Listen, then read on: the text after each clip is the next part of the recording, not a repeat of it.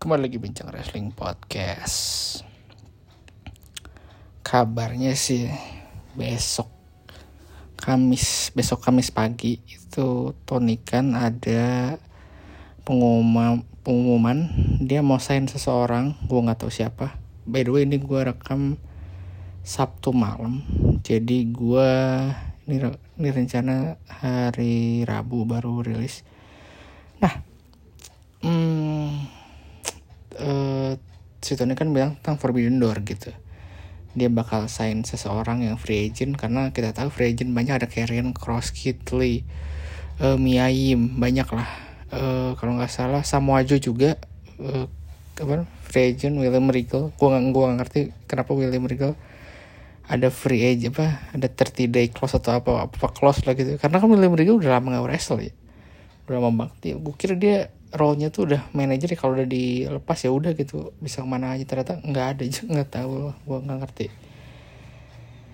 Uh, terus gue tuh tadi oh, terus uh, Forbidden Door itu jadi Tony kan ini biasa lah. Gue gue tuh Tony kan tuh bisa banget riding the wave lagi rame soal Forbidden Door yang kemarin si apa namanya uh, WWE yang main Royal Rumble kita berharap ada dari Impact atau dari Game Changer atau dari New Japan bahkan dari AEW ternyata sama sekali nggak ada gitu. Sama sekali nggak ada Forbidden Forbidden Door-nya buat di main Royal Rumble. Kalau di Women paling cuma NWA Melina sama Impact uh, Mickey James dan dua orang itu juga mantan WWE jadi nggak nggak begitu kerasa lah Forbidden Door-nya juga.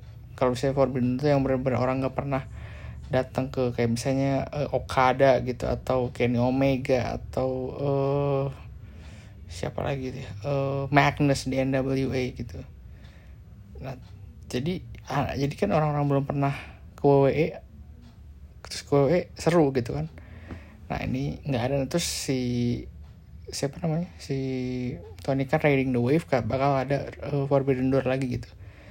Terus banyak orang wah jangan sampai uh, awal tuh dia bakal bilang wah gue bakal rilis sebuah uh, major announcement kata si Tony kan gitu. Terus banyak orang yang wah jangan inilah jangan om do apa segala macam jangan udah di hype taunya enggak gitu. Gue rasa sih sejauh ini IW nggak pernah mengecewakan ya dari segi announcement dari segi apa namanya uh, surprise uh, surprise uh, bukan surprise enter surprise debut gitu gitu lah.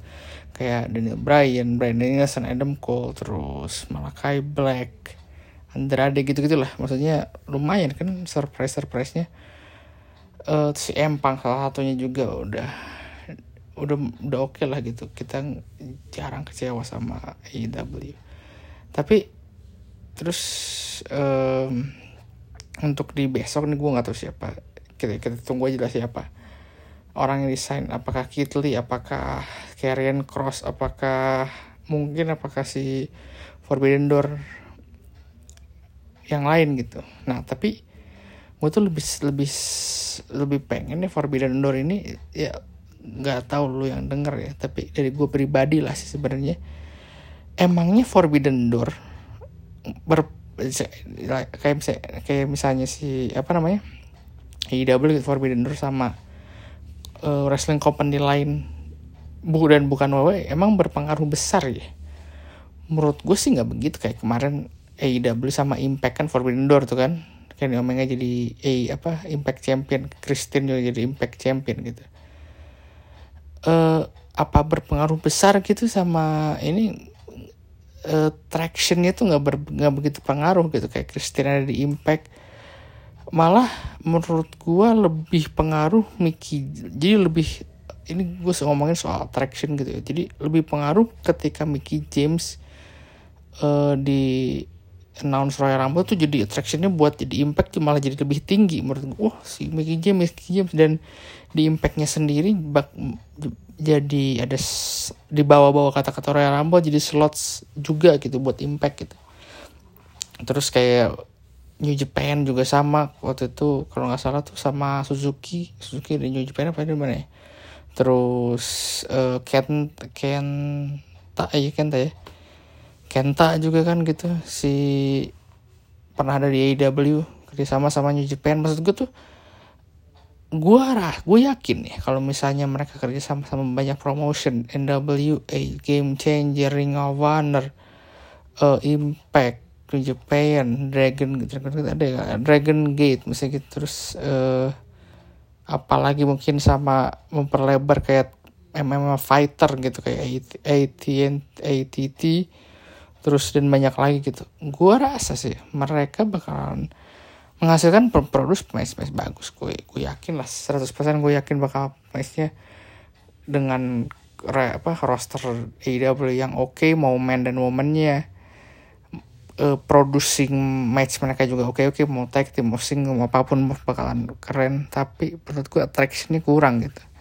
Namanya Forbidden Door sih sekarang menurut gue udah udah dan dan dan banyak banyak orang nggak nggak nggak tune in gitu ke oh ini lagi ada Forbidden Door ya gitu. Kayak waktu AEW sama Impact kan ya udah gitu ya. Si Kenny Omega ke Impact si The Brother siapa itu namanya botak dua itu ke AEW tapi tractionnya udah gitu udah nggak nggak jadi gimana gitu kan.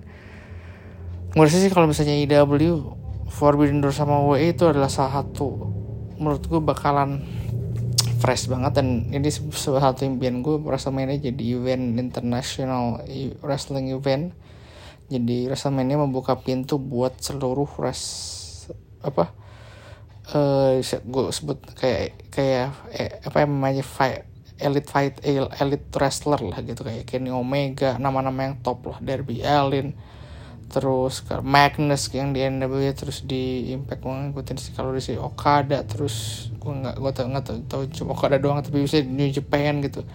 Ya top top starnya aja nggak usah yang mid card mid card gitu. Kayak misalnya kayak si Ricky Star kayak gitu kan masih masih mid card kan ya. Jangan dulu lah di WrestleMania. Tapi menurut gue yang top topnya itu bisa masuk ke WrestleMania salah satu impian gue sih ke sana. Tapi maksud gue kalau misalnya si Tony kan emang bener mau Forbidden Door ya harus coba WWE lah gitu. Lo bayangkan misalnya Dynamite di Dynamite ada Randy Orton kayak gitu tuh. Gue sih kayak kayak bakalan attractionnya bakalan lebih tinggi gitu daripada AEW kerja sama sama misalnya taruhlah New Japan lagi atau apa lagi gitu misalnya kayak Impact NWA ya maksudnya atau mereka nge-purchase Raw misalnya gitu ya bakalan bisa bikin seru ya seru menurut apa, apa namanya storyline bakalan seru seru kayak terus pertandingan pertandingannya bakal oke okay ya bakal oke okay. dan gue yakin misalnya kayak misalnya si AEW kerja sama sama Japan lah gitu gue rasa bakalan five star match gitu bisa aja. Atau seven star match bakalan iya gitu. Kalau misalnya sama WWE apakah bakal five star match? Saya kayak namanya kalau John Cena gitu. Apakah five star match? Ya paling four star lah gitu kalau Dave Meltzer ya. Tapi gue rasa kebayang sih kayak John Cena bakal lebih mengangkat Kenny Omega dan uh, ya sama-sama mengangkat lah gitu. Dan menurut sih kayak gitu sih. Atau Taker gitu kan seru juga. Gitu lah pokoknya. Kalau gue sih dari sudut pandang gue ya. Tapi nggak tahu sih lu setuju apa enggak karena ya kita bisa ya, gue emang bullshit lah gue lo, banyak banget gue hal yang gue suka dari gue tapi ya dia masih secara komoditi masih masih berharga gitu menurut gue sih. Gitu jadi gue sampai ketemu di channel si podcast berikutnya